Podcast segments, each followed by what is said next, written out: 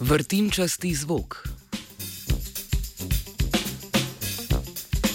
Fizike in fizičarke so odkrili nov način širjenja zvoka v posebnih materialih.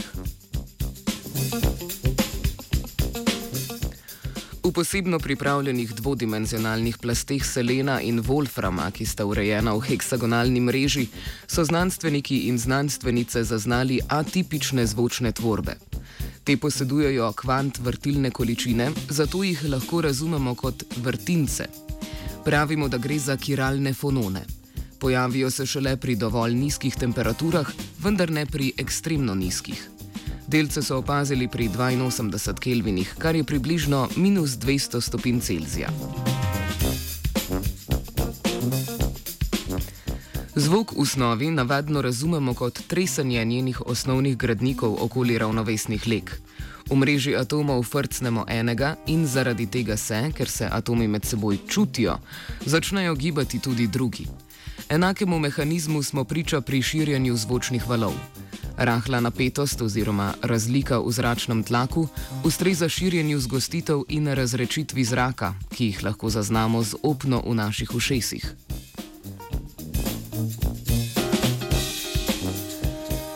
Ko govorimo o zvoku, imamo ponavadi v mislih smer, v katero se zvok širi. Lahko rečemo, da v tej smeri potuje energija v obliki gibanja preomenjenih zgostitev zraka. Pri tem je gonilo premikanja neprestano čelno zabijanje potujoče zgostitve v zrak pred sabo.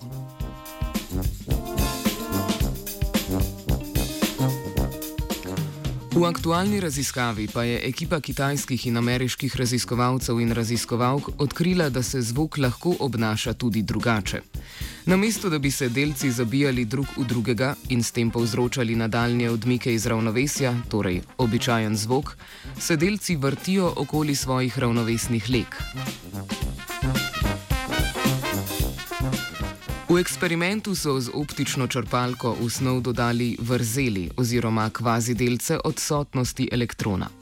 Uporabili so poseben tip svetlobe, katere kvanti imajo vrtilno količino. Med absorpcijo kvanti svetlobe svojo vrtilno količino oddajo snovi. Z opazovanjem sipanja ustvarjenih vrzeli na fononih, kvantih zvoka, so lahko pokazali, da vrtilno količino v procesu dejansko prevzame fonon. Za dokaz so morali ob procesu meriti gibalno količino vrzeli, energijo fononov in njihovo pseudovrtilno količino. Ključna meritev je bila absorpcija infrardeče svetlobe, nastavljene na fononsko energijo, z namenom, da fonon uniči. To pa se lahko zgodi samo, če proces dovoljuje ohranitev vrtilne količine. Absorpcija se je tako povečala, ko so preko prej orisanega mehanizma v vzorcu začeli proizvajati kiralne fonone.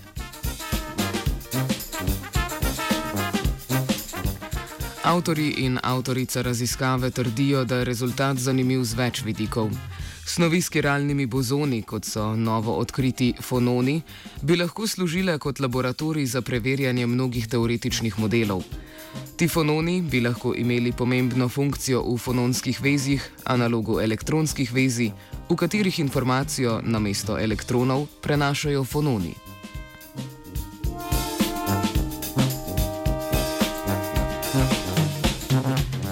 Kiralno simetrijo je zlomil vajenec Martin.